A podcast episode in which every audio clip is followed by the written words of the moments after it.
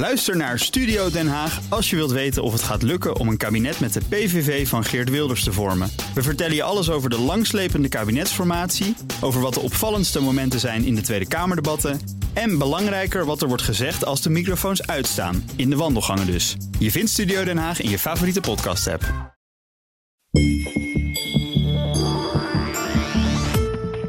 De Volksrepubliek China bestaat 70 jaar. En in die zeven decennia groeide China van een ontwikkelingsland tot een nieuwe wereldmacht. Een succesverhaal, maar de economie hapert nu een beetje. En protesten in Hongkong duren al maanden voort. In deze China-podcast daarom de vraag: de Volksrepubliek China is jarig, maar is er ook reden voor een feestje? En meestal komen we uit vroeg op de woensdagochtend. Deze aflevering konden we natuurlijk niet laten wachten, omdat de 70ste verjaardag, het jubileum, vandaag is. Te gast twee mannen die de transformatie van China van dichtbij hebben meegemaakt. Boudewijn Poldermans, sinoloog, bestuurslid van de China Business Council, zelf ook ondernemer dus daar. En China-kenner Jan van der Putten. Ik ben Mark Beekhuis en de podcast wordt mogelijk gemaakt door het Leiden Asia Center. Laten we beginnen met uh, die viering van deze dagen. Um, Jan, uh, 70 jaar, maar de Chinese cultuur is al duizenden jaren oud. Waarom nemen ze die 70 jaar zo serieus op het ogenblik? Nou, de Chinezen zijn erg uh, gehecht aan uh, verjaardagen met ronde getallen. Van alles en nog wat is uh, de zoveelste herdenking van dat en dat. Hè. Dus, bij, en bij de Volksrepubliek is dat altijd bij de stichting van de Volksrepubliek. in 1949. Daarna is het iedere tien jaar is het, is het uitvoerig herdacht.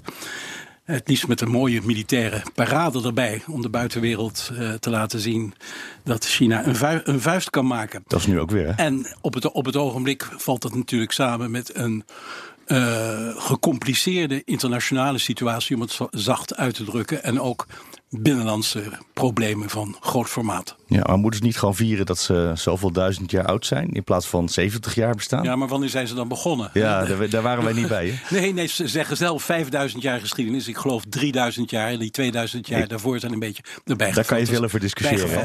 Het gaat natuurlijk over de stichting van de Volksrepubliek China, die op 1 oktober 1949 is, is gesticht. Ja, Boudewijn. Waarbij natuurlijk... Uh, met name de laatste 40 jaar van de 70 jaar uh, toch wel uh, spectaculaire resultaten bereikt zijn. En er zijn meer dan 800 miljoen mensen uit de armoede verheven. Er is geen hongersnood meer.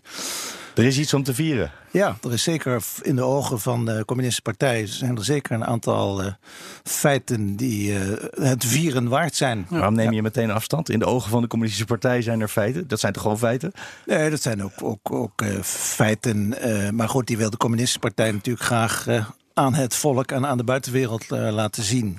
En ja, wij zijn natuurlijk allemaal in Amsterdam op het ogenblik. We zijn niet daar, maar jullie hebben daar vast zo je contacten. Leeft dit nu in China? Weten ze buiten Beijing dat dit speelt? Hangen de banieren ja, er zijn al, zijn al uh, iedereen, dagen, iedereen het, zelfs ja. een week lang wordt er, wordt ja. er feest gevierd. Ja, op, op maar je kan er alleen maar zelf als gewone persoon niet bij komen. Op het tv mag je het zien. Uitsluitend voor de autoriteiten gereserveerd. En je hebt en er alleen maar last van.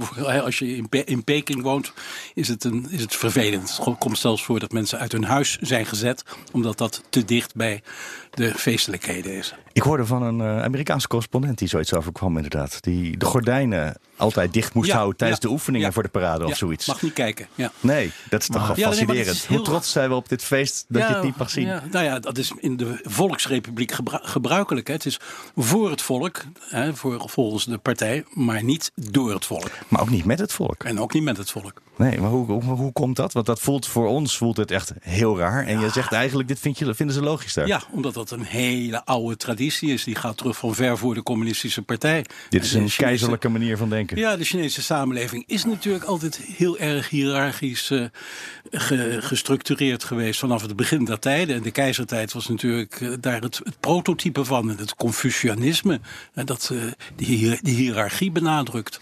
Altijd van boven naar beneden. Nou ja, dat zie je in de, in de kleinste dingen. Als je, als je iets, een initiatief neemt, ook al is het nog zo goed, en ligt het in de regeringslijn, dan krijg je vaak de autoriteit op je, je weg, omdat dat niet de bedoeling is. Initiatieven dienen van bovenaf te worden genomen. Of ze nemen het over en dan, uh, dan is het ook hun initiatief ja, ineens. Ja. Nou ja, maar daarna, daarnaast is het natuurlijk ook om veiligheidsredenen dat, dat, ze tot elke prijs willen voorkomen dat er gedemonstreerd wordt door de Oeigoeren of de Tibetanen of door uh, de Falun Gong of andere organisaties. Dus dat, de, de, de security is echt uh, helemaal waterdicht. Zeer terecht ook waarschijnlijk. Want er zijn natuurlijk aanslagen geweest in de afgelopen jaren. Ehm, is dat trouwens iets wat wij zeggen inderdaad van... Nou, ze zijn, het, de Volksrepubliek is jarig, eh, maar economische recessie speelt op de achtergrond en protesten in Hongkong. Zijn er eigenlijk andere dingen nog, behalve inderdaad al die andere etnische spanningen in het grote rijk? Andere dingen die op het ogenblik de situatie moeilijk maken? Ja, dat is een hele waslijst. Is dat, Ja. Eh, dat zijn echt. Het is ook een ongelooflijk groot land, dus misschien moet ja. dat ook wel. Nee, dat is natuurlijk. eh, ja, eh, grote inkomensverschillen zijn er nog steeds. Eh, er is sprake van corruptie nog steeds. Zware repressie natuurlijk van de samenleving, van de media, internet. De draconische controle, wat ik net zei, van Tibet en, en Xinjiang. En eh, natuurlijk afnemende economische groei. Dus eh, er zijn behoorlijk wat eh, zaken die niet zo positief. eh, maar goed, aan de andere kant zijn er ook heel veel positieve dingen te melden natuurlijk. Het is. wat in het begin ook al gezegd wordt, de economie heeft ge- getransformeerd van een achterlijk landbouwgedreven economie naar een, naar een ja, toch hoogwaardige technologische economie. Dat moet het ook eh, worden de In komende jaren. recordtijd, hè, dat is En- nog nooit en- vertoond in ja. de geschiedenis. Dus dat is, dat is absoluut een eh, behoorlijke prestatie. En, en China is natuurlijk eh, ook al een aantal jaren de grootste investeerder in het buitenland. En, en heeft zelf ook heel veel investeringen vanuit het buitenland mogen ontvangen. Aan de andere kant is China ook de grootste uitstoter van, van CO2.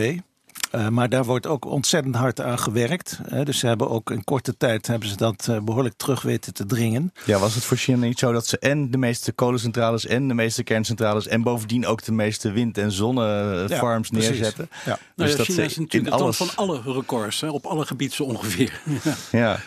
Ehm, en dan, als ik dan even de het FD van vanmorgen erbij pak, die ligt hier toevallig nog op tafel, omdat we hier net een nieuwsroom hebben opgenomen. Nee, dat is trouwens niet de FD van vanmorgen. Maar toch, eh, daarin stond, eh, China blaakt van zelfvertrouwen op het ogenblik. Is dat iets wat... Nou, dat is eh, voornamelijk uiterlijke schijn. is dat de de communistische partij, of Ja. is dat ook het volk ja. zelf? Xi Nee, Jinping. een partij. Nee, nee, Xi Ja? Jinping. Nou, ik denk dat de bevolking ook wel eh, trots is op, eh, op de verhoging van de levensstandaard. dat dat zonder enige twijfel, maar blaakt van zelfvertrouwen. Ja. Dat klinkt wat Nee, al te uitbundig. Dat komt echt van de partij. Ja. Uiteraard, dit feest is vooral een feest van zelfbejubeling. Als je ziet wat er allemaal is gepubliceerd. De, de, de, de witboeken over 70 jaar geleden en nu. Nou ja, dan gaat het voornamelijk over de laatste 40 jaar. En nog meer over de laatste 7 jaar van Xi Jinping. En, eh, de, Het is vooral Xi die heel gelukkig is met Ja. zichzelf. En de donkere periode van, van, van Mao wordt overgeslagen gewoon. Mao Daar gaan wordt het alleen straks als, nog over hebben. Want Mao is een interessant. Ja, precies. Daar gaan wij straks over uitgebreid over hebben. Want dat is toch een interessante fase waar ze op een Ja, is heel lastig. manier mee omgaan. Misschien moeten we dat anders nu even doen. Want we gaan straks ook naar de toekomst kijken van wat er. Ja, we hebben nu 70 jaar gehad. Kunnen we de komende 70 jaar voorspellen? Nou, dat is misschien wat optimistisch. Maar ehm, laten we gewoon eens de geschiedenis ingaan. Eh 1949 begonnen ze, hè? Hoe begon het ook weer? Want dat was een bloedige tijd. Burgeroorlog is er geweest na de val van, de, van het keizerrijk in 1911, 1912. Eh, Ruim 2000 jaar keizerrijk kwam een eind aan.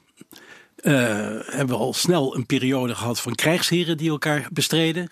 En dan kwam één krijgsheer kwam daaruit eh, als sterkste tevoorschijn. Chiang Kai-shek.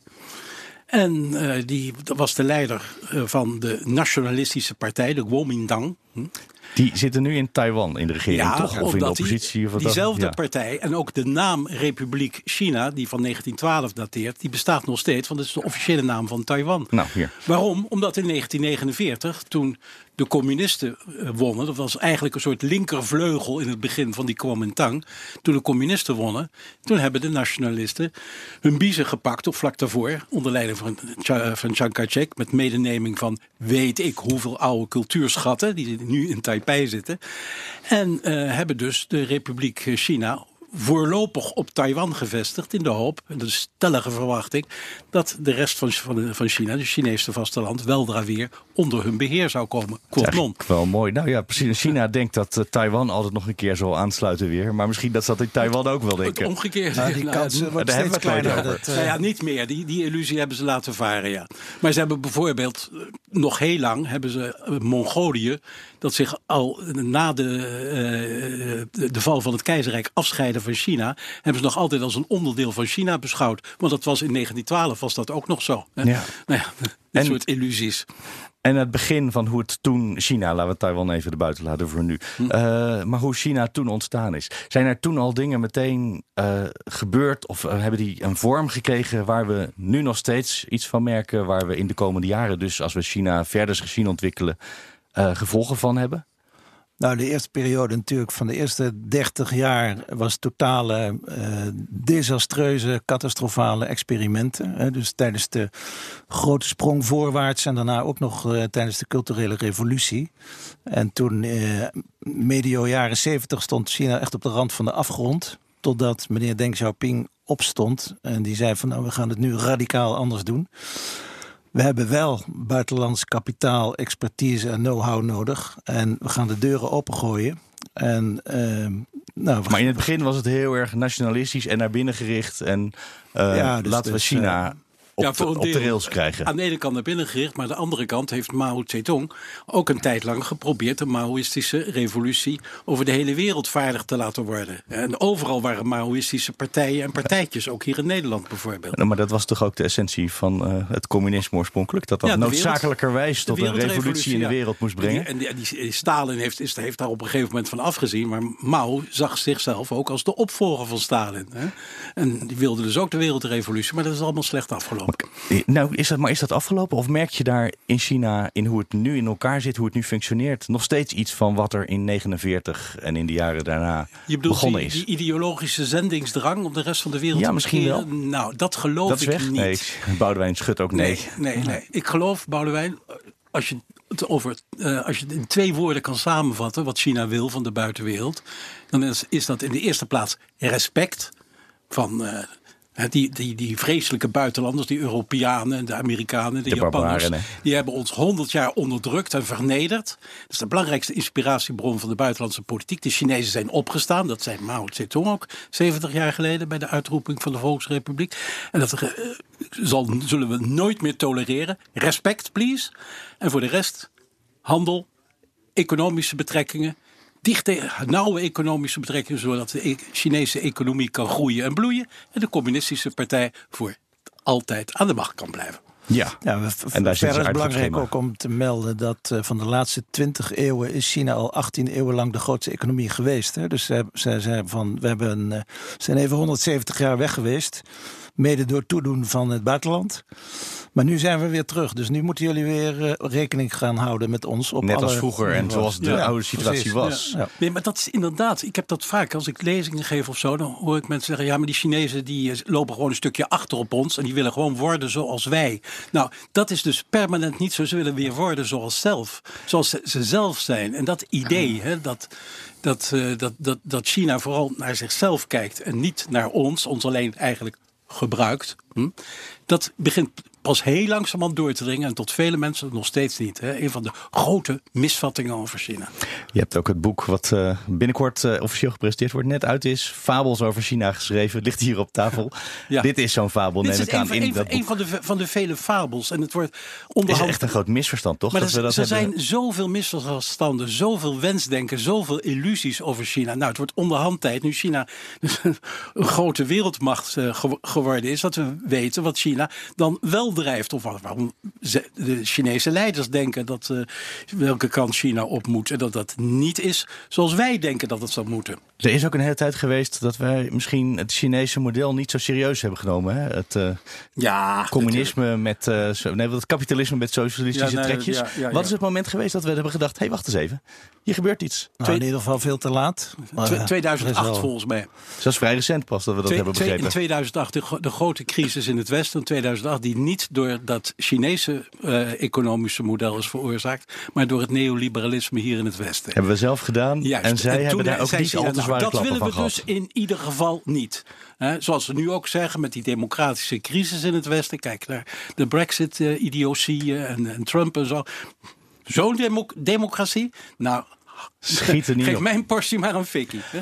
Nou, Dus en daarbij, daar zit daarbij misschien ook nog iets, wat, wat ja? natuurlijk de laatste tijd speelt in verband met Hongkong, dat de Chinezen zelf nu ook zeggen, terwijl dat een idee is wat van hun afkomstig is, dat one country, two systems, dat werkt dus ook niet.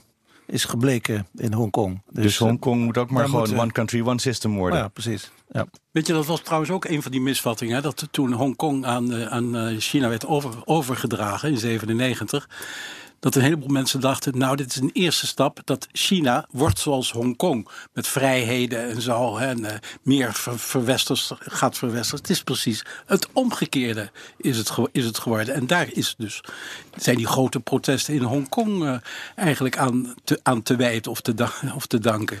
Het, twee systemen die tegen elkaar gaan. Ja, die letterlijk botsen. Mhm. Maar desalniettemin denk ik toch dat er op de langere termijn ehm, de Communistische Partij met hun ideologie van dit moment toch vast gaat lopen. En dat er toch een vorm, ik weet niet of je dat democratisering moet noemen of iets anders, maar dat er, dat er moet wat gaan gebeuren aan het politieke systeem, want anders gaat uh, ook de Chinese economie en de hele maatschappij naar de knoppen. Maar, maar, maar dus, waarom uh, ziet Xi Jinping dat dan zelf niet in? waarom grijpt hij toch terug naar Mao en zo en komt ja. hij niet met iets nieuws? Ja, dat is. Uh, maar ik denk dat het, rommelt natuurlijk ook binnen de communistische partij. Hè. Binnen het politbureau zijn er een aantal mensen die uh, absoluut niet eens zijn met, uh, met de huidige koers. En dat Xi Jinping zichzelf tot een soort Amerikaanse vorm van CEO heeft ge, gepromoveerd. Hè. Dat hij uiteindelijk alles mag bepalen. Dus het rommelt daar behoorlijk. En als natuurlijk de communistische partij niet kan blijven leveren. En niet blijvend de levensstandaard van de bevolking kan kan handhaven, dan gaat ook de bevolking natuurlijk morren.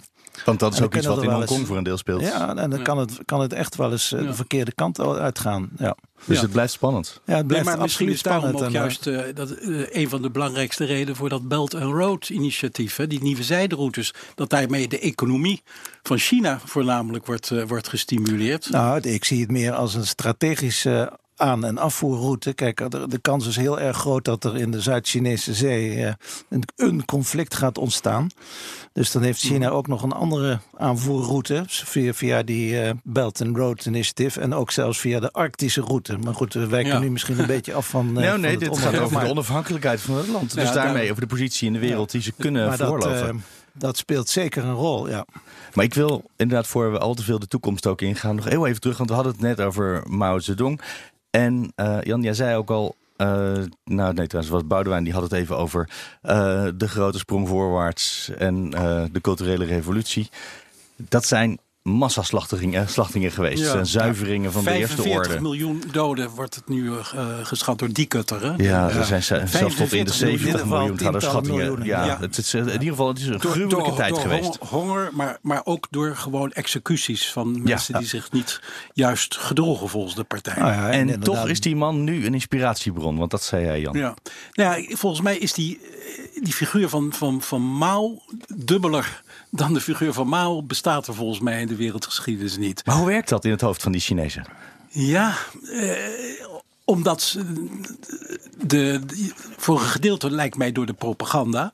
Want het, wordt ontzettend, ontzettend erin gehamerd, die patriotische uh, educatie, die patriotische onder, onderwijs van de, de, de grootste daden van de communistische partij. Maar ik denk ook dat Mao objectief voor een hoop verbeteringen heeft, heeft uh, gezorgd.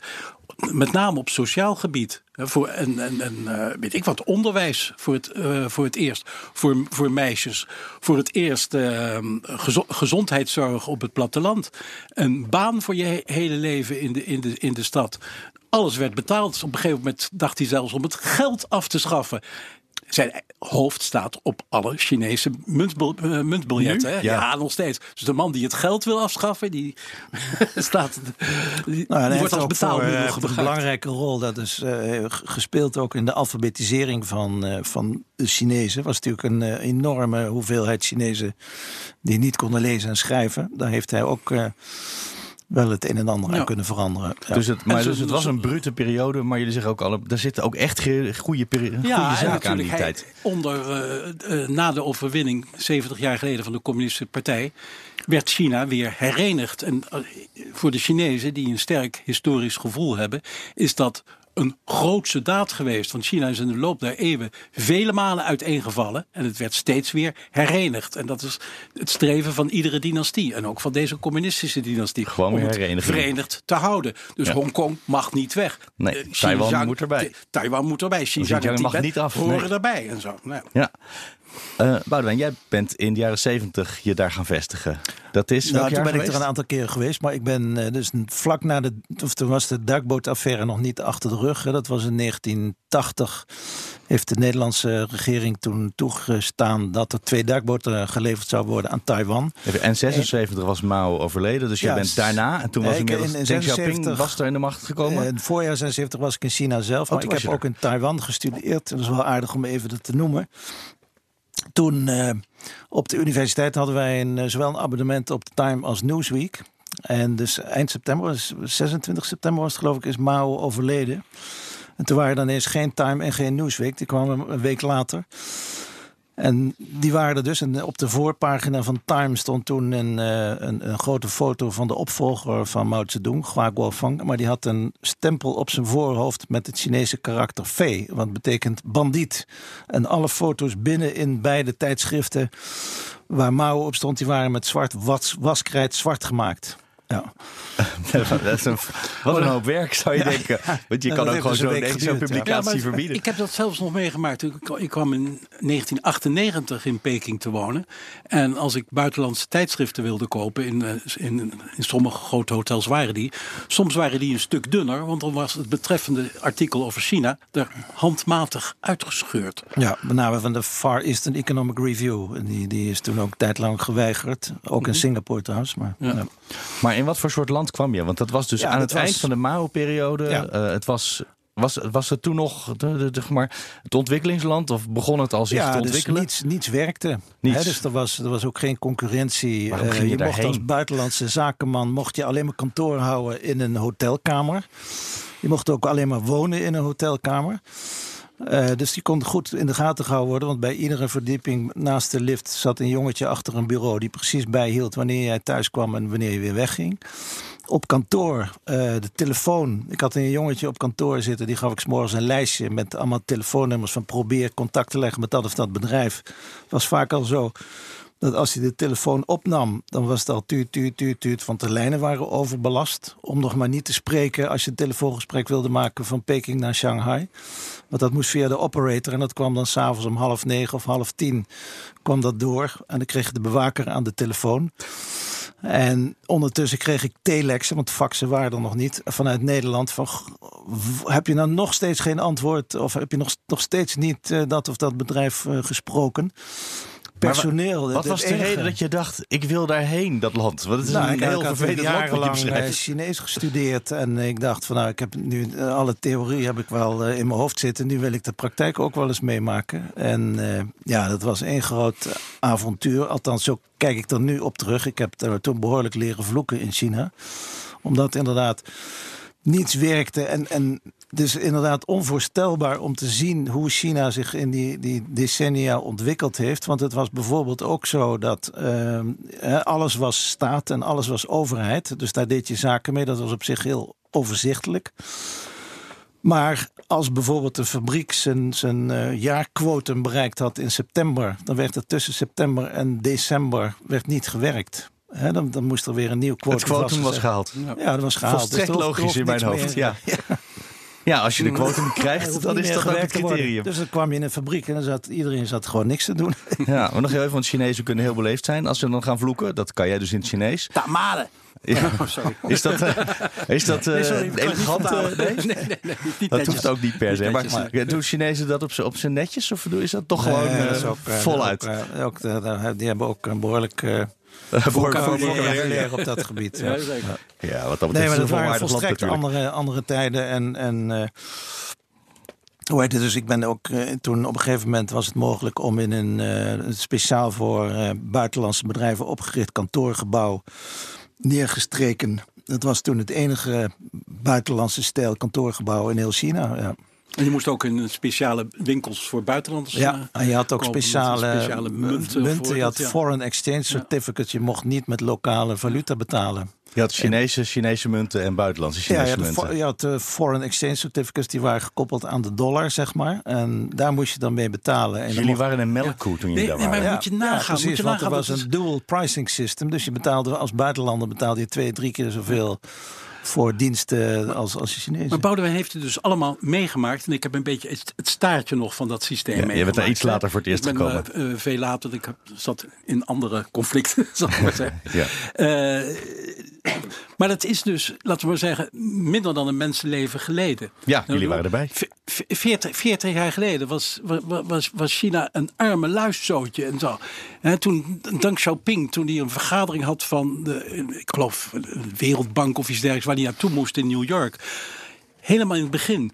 Toen hadden ze eigenlijk geen geld in kas om die reis, die vliegreis te betalen. Nietwaar? En nu hebben ze 3,1 Ja. biljoen dollar hebben ze aan Amerikaanse eh, schuldpapieren hebben ze in Ja, er is zoveel geld dat ze niet weten waar ze ermee heen moeten. als van de gekkigheid niet haast dat ze ermee moeten doen. Nee, maar kan je je voorstellen, zo- zo'n waanzinnig snelle, snelle omwenteling. Maar dat doet iets met een land, zo'n Ja. snelle verandering in ja, de er zijn ook een heleboel samenleving. mensen zijn een beetje, een beetje gek hoor. Moet Ja? ik zeggen. Ja, ja, De- noem eens voorbeelden van wat je daarvan merkt. Nou ja, god, bedoel, eh, de, de, je ziet vaak mensen acht- achteruit lopen op straat. Dat is dan, eh, weet ik wat, dat schijnt dan met iets met Qigong, Qigong te zijn. Maar dat lijkt me buitengewoon gevaarlijk. Of mensen die de straat oversteken, waanzinnig drukke straat. En niet naar links en rechts kijken en zo. En, eh, Doodsverachting. ja, ja, Wij ja. kunnen alles nee, aan. Maar ook voor, er zijn natuurlijk belangrijke dingen zoals de enorme wer- werkdruk en zo. En de zelfmoord die daaruit voortkomt. Ja, want dat je dan in september stopt met werken, dat is niet meer. Hè? Eh, nee. Dat is Nee, andere dat is tijd. absoluut. Nee, nee. Nee, Sinds, nee. sinds er eh, de mogelijkheid er was om eh, ook naast je baan bij een staatsbedrijf ook, ook zelf een bedrijfje op te richten, zie je ineens dat China ontzettend verandert.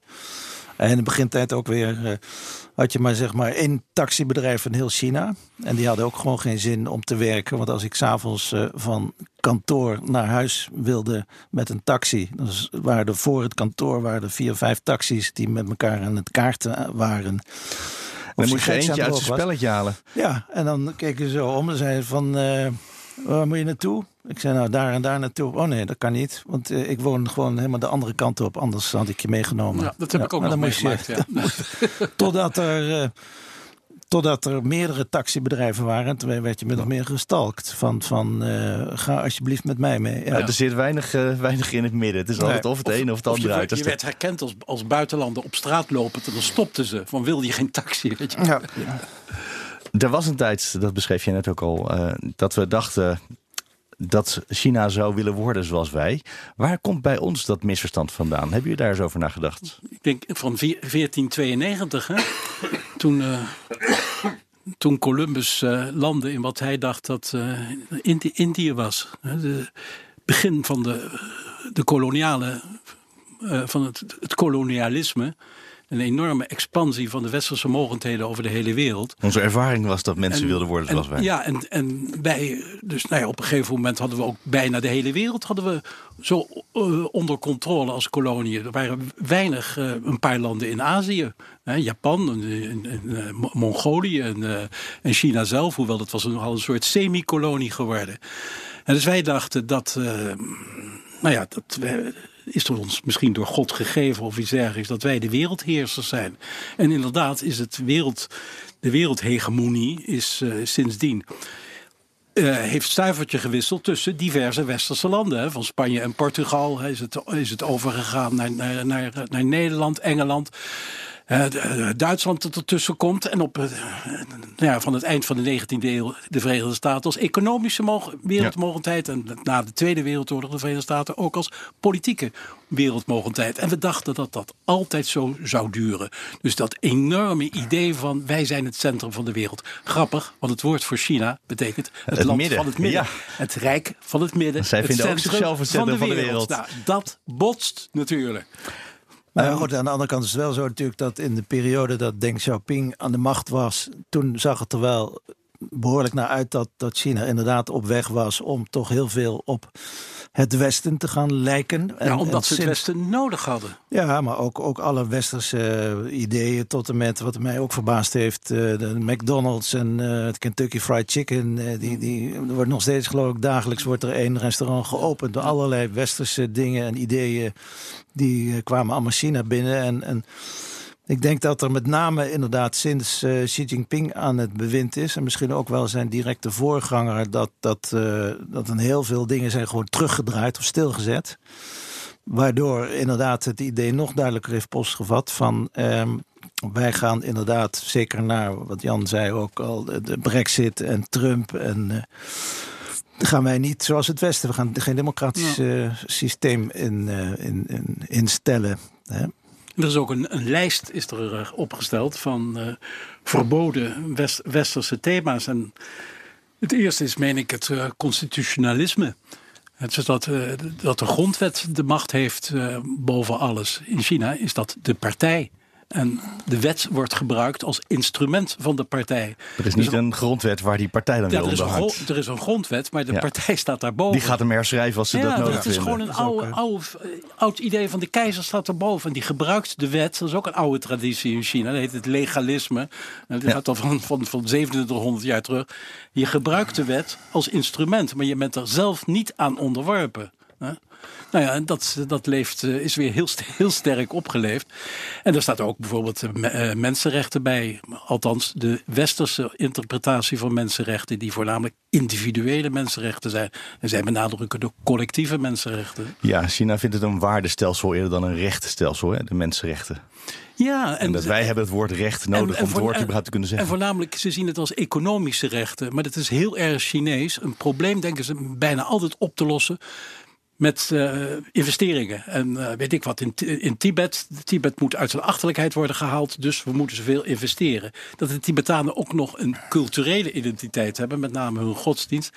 Dat komt er niet in. Dat, dat, dat lukt ze niet dat te begrijpen. En hetzelfde geldt voor de moslims. Maar wat is dat dan? Want Xinjiang. als die, die moslims of de mensen in Tibet uh, die moeten vanzelfsprekend het Chinese, het, het, het, land van het midden, die cultuur zich eigen willen maken? Ja, de, noodzakelijkerwijs. Ja, de, de, de, significatie, hè, dat geldt voor alle godsdiensten. Maar dat klinkt als een project significatie, ja, maar, maar dat, is, is iets wat ze vanzelfsprekend vinden. De, de verhanning hè, van de Han-Chinezen, 90% en nog wat van de hele Chinese bevolking.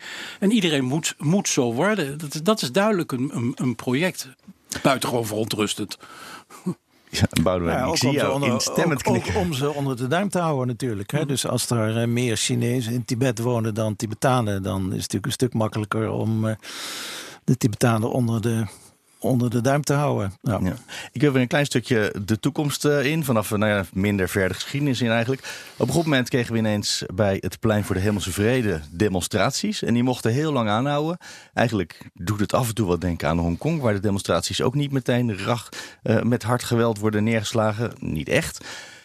En uiteindelijk toch niet. Wat gebeurde daar nou? Wat, wat vanuit het Chinese perspectief? Nou, nou dat, dat, dat, was eerst uh, natuurlijk het begon met uh, bezwaar tegen corruptie van overheidsdienaren. Daarna kwam uh, dus het, het volgens de Chinese bevolking onterecht afzetten van meneer Guoyaobang.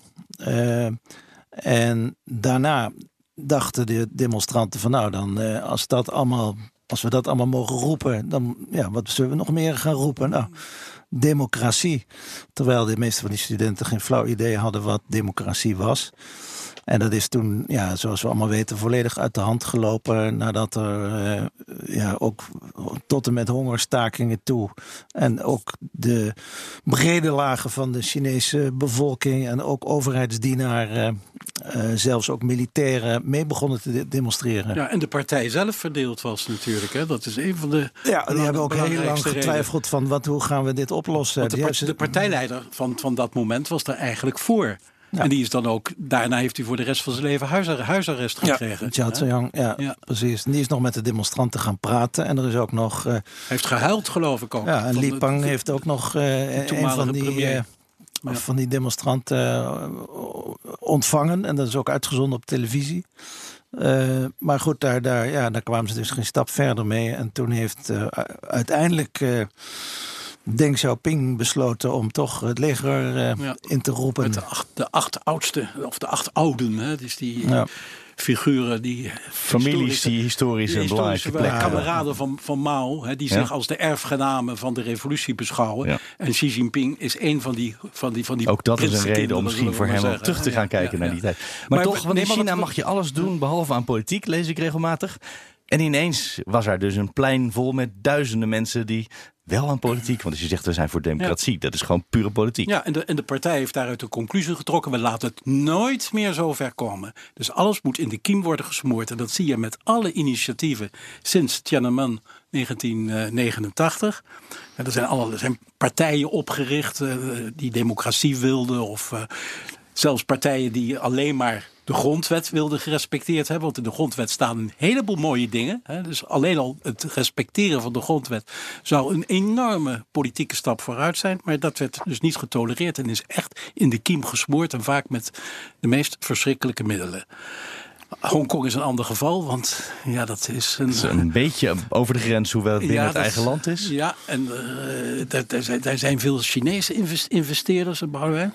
Uh, ja, dus, dus uh, Nee, dat is ook een misvatting natuurlijk die uh, ook in de media geroepen is dat China op een gegeven moment met militaire macht Hongkong zou binnenvallen. Maar dat gaan ze, dat gaan ze echt nooit doen. Dat waren allemaal zoals psychologische oor oorlogsvoering door troepen te verzamelen aan de andere kant van de grens. En waarom is dat? Omdat er ongelooflijk grote belangen van China's, ook van partijfamilies in Hongkong zijn die allemaal geïnvesteerd hebben. Er zijn heel veel Chinese bedrijven, zoals staatsbedrijven als privébedrijven die een investeringsvehikel hebben of een fonds in, in, in Hongkong om van daaruit te investeren in het buitenland. Omdat uh, Hongkong uh, kent geen kapitaalsrestricties, dus het is heel makkelijk om geld uit Hongkong en naar Hongkong te krijgen. Um, en via, nou, via Hongkong kom je in China ook, hè? Ja, ook weer terug naar China, maar ook, ook bijvoorbeeld naar Amerika. Als je een investering in Amerika of in Europa wil doen, dat is, aanzienlijk makkelijker. want in China is dat veel strikter om, uh, vanwege de angst voor kapitaalvlucht, wat, wat ook weer uh, een aantal jaren geleden um, grote vorm heeft aangenomen. Nou, daarbij is het zo dat er natuurlijk heel veel Chinese bedrijven genoteerd zijn aan de beurs in Hongkong. Er zijn een aantal Chinese bedrijven die hebben zelfs hun hoofdkantoor in Hongkong. Nou, ga zo maar door. Dus er zijn enorme grote belangen van, vanuit China. Hongkong in, in moet heel blijven. Om Hongkong, uh, inderdaad, Hongkong mag niet uh, verdwijnen. Nee, maar aan de andere kant is het wel een ongelooflijk gezichtsverlies voor Xi Jinping. Absoluut. in, in eigen land heeft hij eh, anderhalf miljoen Oeigoeren opgesloten. Ze beginnen nu ook met tegen andere moslims beginnen ze te ageren. En, en dat zou die in Hongkong ook graag willen doen, hoor ik je denken. Ja, maar dat is wel wat lastiger ook natuurlijk omdat het een element kan worden in de hele confrontatie tussen China en de Verenigde Staten. Hè. Er zijn al ja. uh, uh, wetsontwerpen in de, in de Verenigde Staten aanvaard uh, om hoe heet het, solidair te zijn met de Hongkong, uh, Hongkongse beto betogers. Maar voor Xi Jinping, ja, dat is een gezichtsverlies in eigen land. Het idee alleen al een, een, een duizendste van wat er in Hongkong gebeurt. Als dat in China zou gebeuren, nou ja, dan hebben de, de, dan zouden we de poppen echt op een verschrikkelijke manier aan, aan het dansen hebben. Ja.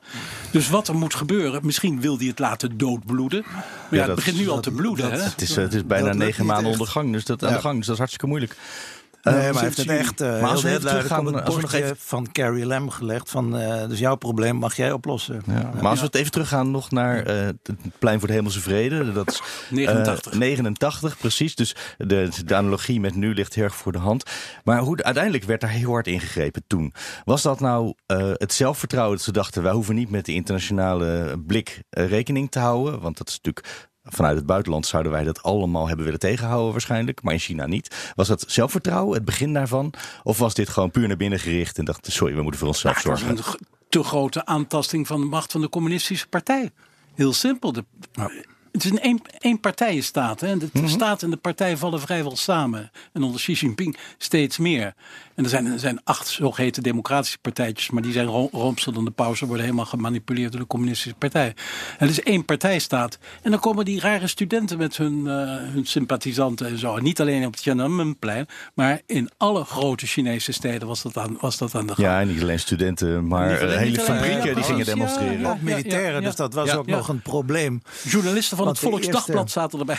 Ja, ook de, de, de eerste of de militairen zeg maar, die gelegerd waren in en rondom Peking, eh, die, die, die hadden daar helemaal geen zin in. Hè? Die, hebben, die hebben zich solidair verklaard met de demonstranten. Dus er moesten aparte troepen uit de provincie eh, naar Peking toegehaald worden. Omdat die, eh, die hadden geen enkele band. Natuurlijk heel veel van die militairen uit Peking hadden ook familieleden die mee aan het demonstreren waren. Dus die dachten van ja, daar gaan we, daar gaan we, gaan, daar gaan we niet op schieten. Ja, maar het was een te grote aantasting van het gezag van de communistische partijen. Het, was, het zei wel iets over hoe vanaf dat ogenblik China zou functioneren. Maar het was niet het begin van de trots. Eh, of de, nee, wij, Hoeven, wij hoeven niet het zelfvertrouwen. Wij hoeven niet met het buitenland rekening te houden. Met het buitenland hebben ze geen enkele rekening gehouden. en het buitenland heeft wel boos gereageerd. En, eigenlijk het enige wat er nu nog altijd leeft als gevolg daarvan, dat is dat uh, Europa geen wapens verkoopt aan China. Dat wapenembargo dat toen is ingesteld, is nog altijd van kracht. Dat heeft China opgelost met een eigen industrie.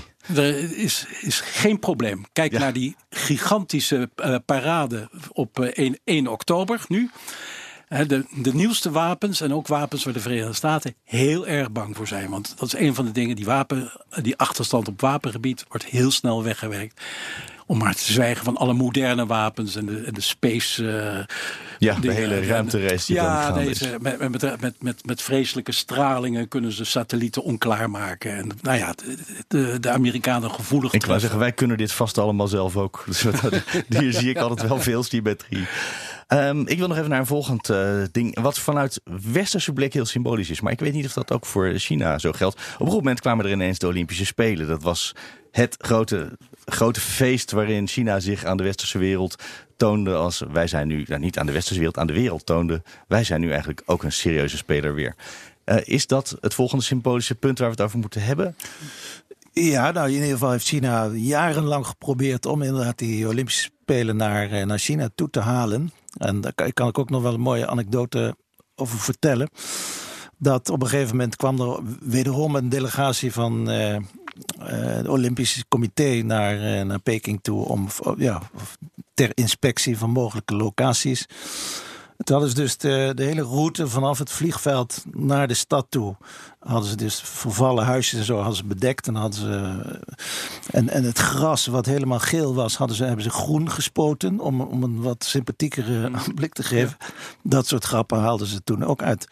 En dat was zeker toen dat ja, toen het zover was dat, dat de beslissing genomen is om in 2008 die Spelen naar China te halen. Dat was inderdaad een heel belangrijk eh, moment voor China om te laten zien dat ze er ook bij horen. Ja, ik herinner me 2001 toen het bekend werd, ben ik de straat op gegaan.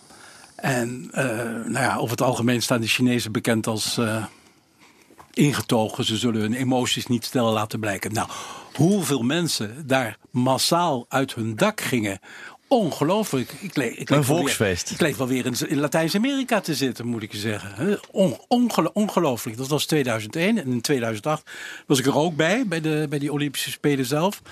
Uh, nou ja, dat was echt een coming-out party. Hè? Dat, uh, perfect georganiseerd. Er mochten ook be, be, be, betogingen mochten er komen.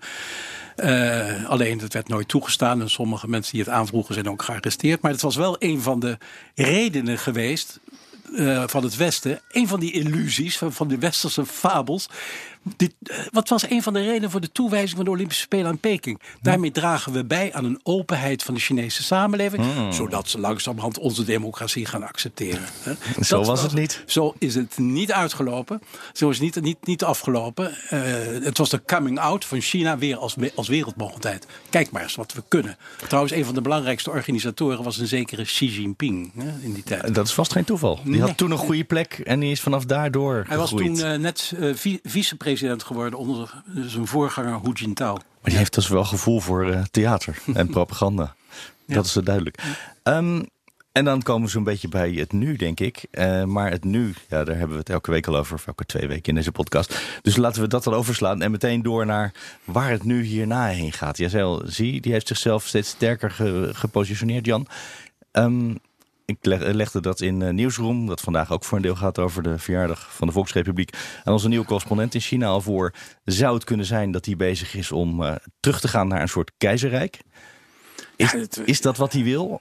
Nou, het is, in feite functioneert het al vaak als een, als een keizerrijk. In ieder geval de, men, mentaal gezien zijn, zijn de verhoudingen van het keizerrijk naar mijn uh, idee niet wezenlijk gewijzigd. Hè. De, de keizer die alles weet en tegen wie geen protest mogelijk is. En de onderdanen die die goed moet behandelen. Niet individueel, maar als groep dat moet een goede keizer doen, want anders krijg je, krijg je een opstand. En dan krijg je de mogelijkheid dat die dynastie die ten val Een opstand die, wat is het, een opstand die slaagt, is het bewijs dat de keizer niet goed functioneert. Ja, dat hij het mandaat van de hemel heeft verloren. Oh, precies. En datzelfde idee van het mandaat van de hemel, dat leeft eigenlijk nog steeds voort.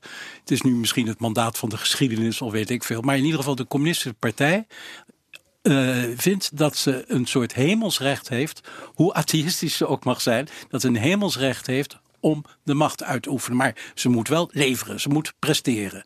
En een goede keizer die zorgt goed voor zijn volk. En als hij zijn plichten verwaarloost, dan komt het volk vroeg of laat in opstand. Nou, dat is, geldt precies hetzelfde voor de Communistische Partij. Bovendien, hetzelfde systeem van, van, van erfopvolging, dat is in een wat gewijzigde vorm, is gewoon voortgezet. Want zit nu binnen die aristocratische, rode aristocratische families. Dus de erfgenamen, de de, de, de, de, de afstammelingen van degene die met Mao de revolutie hebben, hebben gemaakt. En uh, er zit het hele idee bij van, van we blijven voor altijd aan de macht. Net zoals de keizers. One, 10.000 jaar. Hè, one is 10.000. Voor altijd.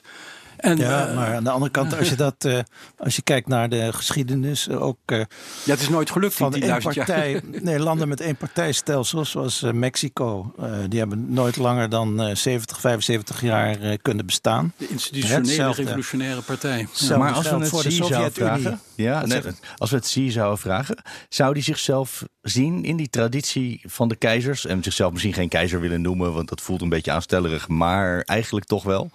Ja, dat denk ik ook wel. Zeker. Ja. ja Want dat is een goed systeem voor China. Ja. Het is een nieuw keizerrijk, dat nou zit ook in de genen. Hè? En ook die, die, die, de machtsverhoudingen, dat is gewoon altijd al zo geweest. Alleen zal de druk op hem toenemen. Uh, wat ik al eerder zei ook, omdat uh, hij moet natuurlijk wel blijven leveren. Hè? Dat, uh, de Chinese droom om rond 2050, of liever gezegd 2049, wanneer de Volksrepubliek 100 jaar bestaat, moet, moeten er wel een aantal dingen volgens hem gebeurd zijn, waaronder dus Taiwan herenigd met het moederland.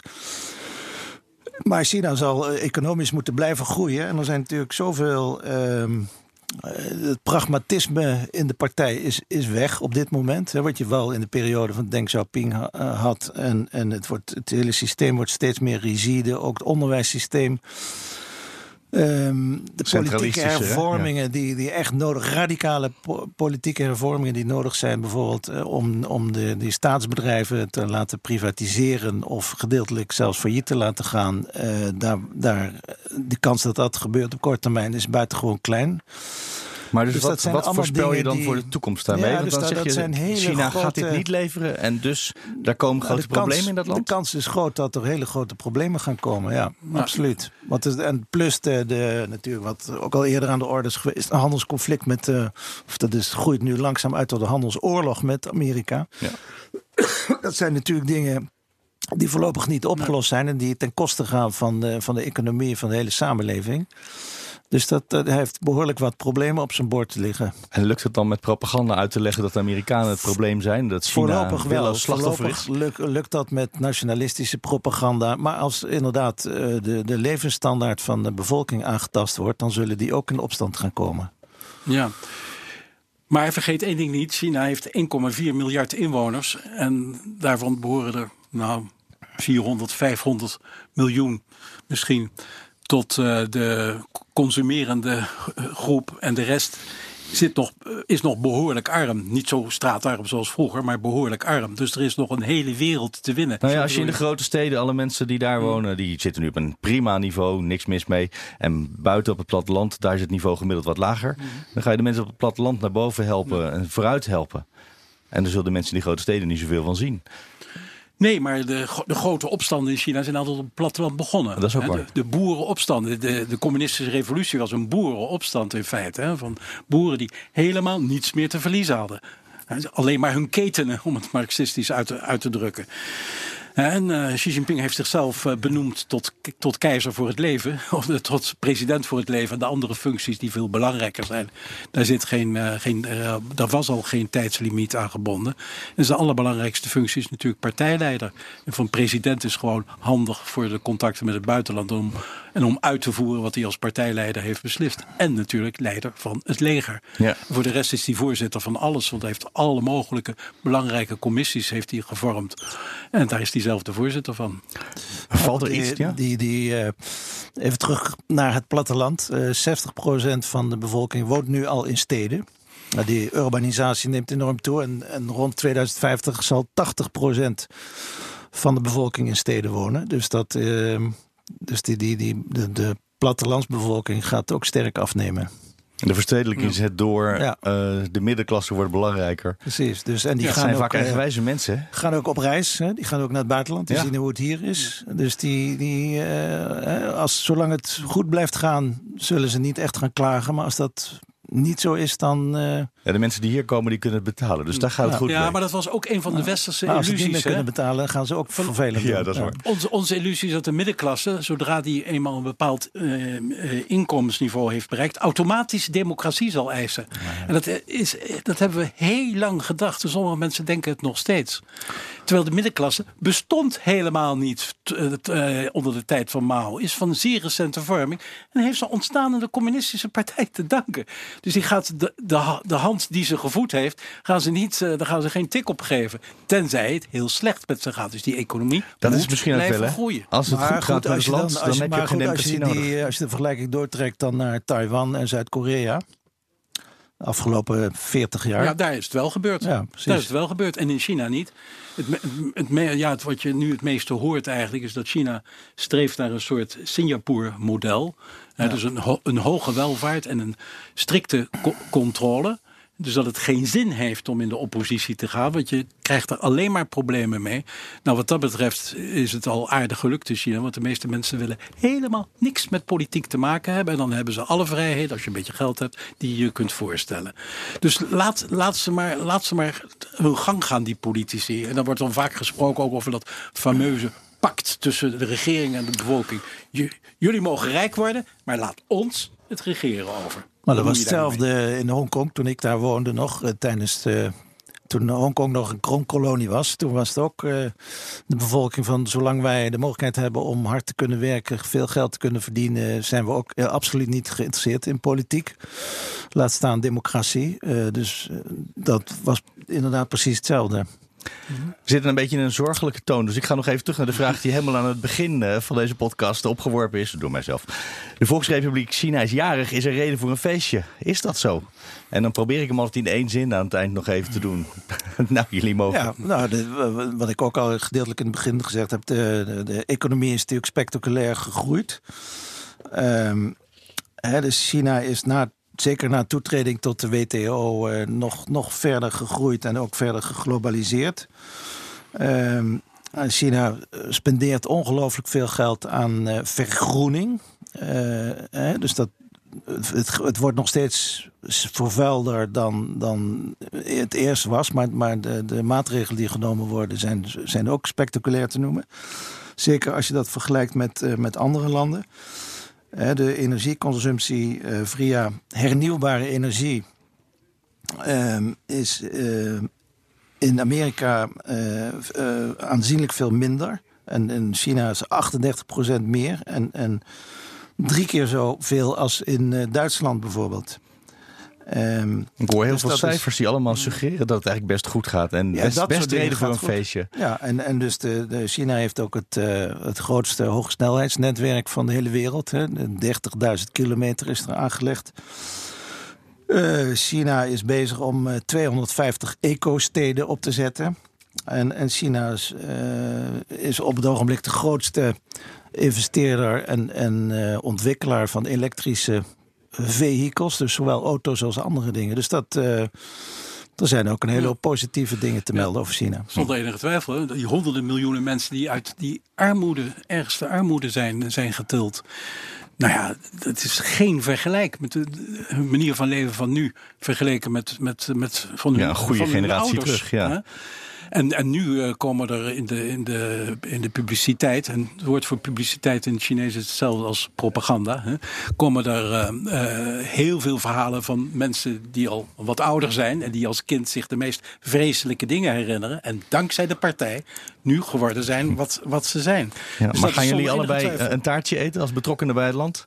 Nou, nee hoor. Dat, is een beetje overdreven. Nee, nee, nee, nee, nee, want ik zie, ik zie genoeg uh, schaduwzijden. Dus laten we maar zeggen, sociaal, sociaal gezien is het voor een hele hoop Chinezen is het waanzinnig onvergelijkbaar veel beter geworden. Inderdaad, reden voor een feestje. Maar, maar natuurlijk, tegelijkertijd is het politieke systeem uh, niet versoepeld, maar juist verhard. Uh, van, met een westerse term zouden, kunnen we dat rustig een totalitair systeem noemen. Hè, van één partij en zelfs één persoon die alles beheerst. De rechterlijke macht, de media, de, het, het, eh, de, de wetgevende macht, de uit, alles. De controles, controleert zichzelf. Nietwaar? Nou, dat is typisch, typisch totalitair. En een tota-, totalitair systeem lijkt me niet de, het meest ideale Geen reden, toch systeem uiteindelijk om daaronder te leven. Nou, dan gaan we het daarbij laten. Normaal probeer ik altijd rond een half uur uit te komen. Vandaag zitten we in de buurt van een uur. Was natuurlijk ook, we hebben een flink stuk van de geschiedenis van China doorgenomen. Was ook optimistisch om dat in een half uurtje te willen doen. We komen aan het einde van de China-podcast. Dank aan mijn gasten Boudewijn Poldermans en Jan van der Putten. De podcast wordt mede mogelijk gemaakt door het Leiden Asia Center. En deze en trouwens ook alle afleveringen zijn terug te luisteren via bnr.nl slash China-podcast. De BNR-app, iTunes, Spotify, waar jij ook je podcasts vandaan haalt. Wil je reageren? Dat kan altijd via podcast.bnr Tot over twee weken.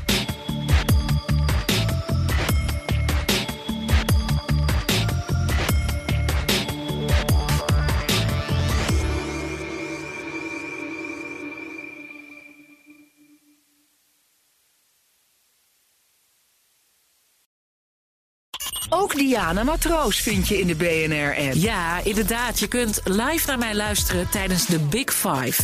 Ook handig in de BNR-app. Breaking nieuwsmeldingen, maar ook het allerlaatste zakelijke nieuws. En je vindt in de app alle BNR-podcasts, waaronder Wetenschap Vandaag. Download nu de gratis BNR-app en blijf scherp.